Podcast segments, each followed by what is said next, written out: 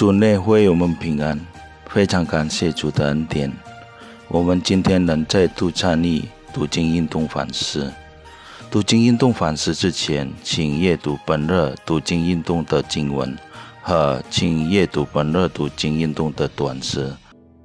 亲爱的各位弟兄姐妹们，平安！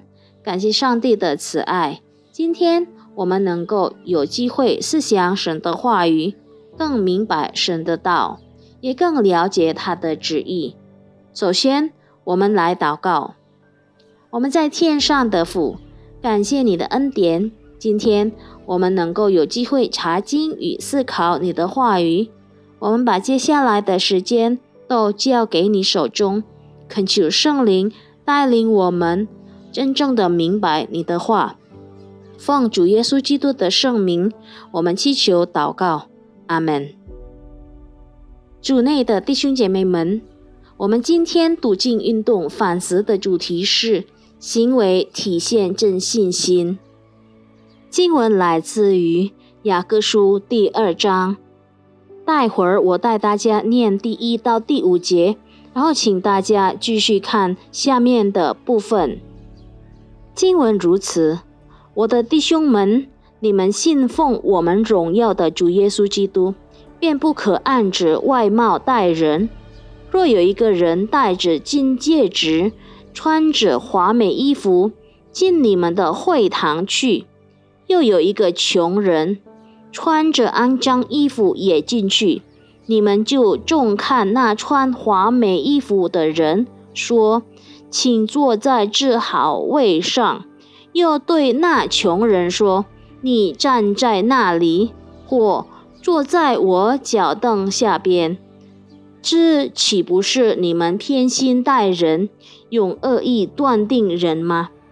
我亲爱的弟兄们。请听，神岂不是拣选了世上的贫穷人，叫他们在信上富足，并承受他所应许给那些爱他之人的果吗？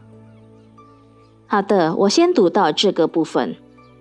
弟兄姐妹们，很久以前，圣雄甘地说过：“要不是因为基督徒的行为，我早就成为基督徒了。”他这样说是因为他并不是来自高等级种姓或白种人，但是他是被加尔各道某教会的基督徒拒绝在门外时说的话。即使呢，弟兄姐妹们，甘地钦被基督和基督对人一视同仁的教导，但基督徒却反此道而行。你说？讽刺不讽刺，弟兄姐妹们，即便如此，我们不否认基督徒也确实会有歧视或偏待人的行为倾向。更何况，我们现在正活在实质你就是你拥有穿戴乘坐的原则的世界里。要是不进题。我们就会轻易的受这种观点所影响，这并非现在才有的现象。雅各发现，在他那时代的基督徒是群中已经存在这一个问题了。在圣经里，我们看雅各提醒了他那时代的教会和现在的我们。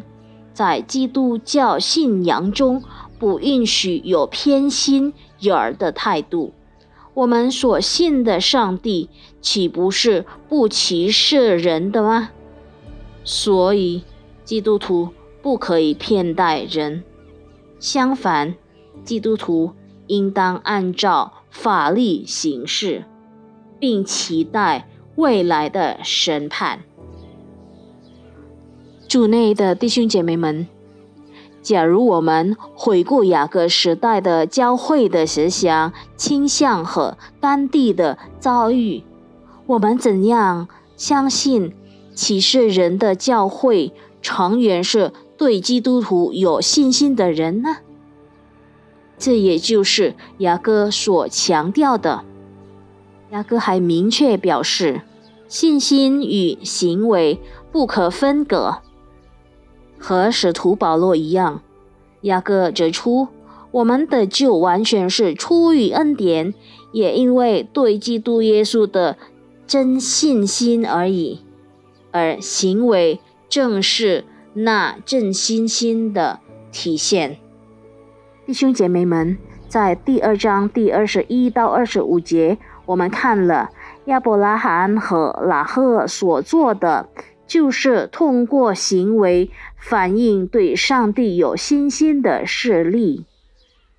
使人的救的信心是在每日行为中体现出来的信心，比如说帮助有需要的人，或者不歧视人。亲爱的弟兄姐妹们，请问您是否已经在每日的实际行为中体现信心呢？我们来祷告。我们在天上的父，我们感谢你主啊！这时刻我们有机会能够思想你的话语，我们恳求你主啊，请你帮助我们，能够在生活中，在我们每天。行为中体现出来的信心，帮助我们啊，主啊！奉主耶稣基督的名求，我们祷告，阿门。